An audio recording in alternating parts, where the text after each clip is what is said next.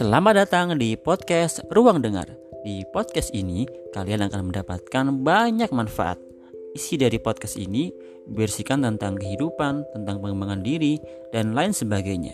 Jadi, jangan bosan-bosan ya mendengar podcast mendengar podcast ini. Siapkan kopi hangat dan gorengan dan resapi apa yang saya sampaikan. Bisa juga untuk pengantar tidur loh. Ya, semoga saja suara saya tidak meresahkan Anda ya. Terima kasih.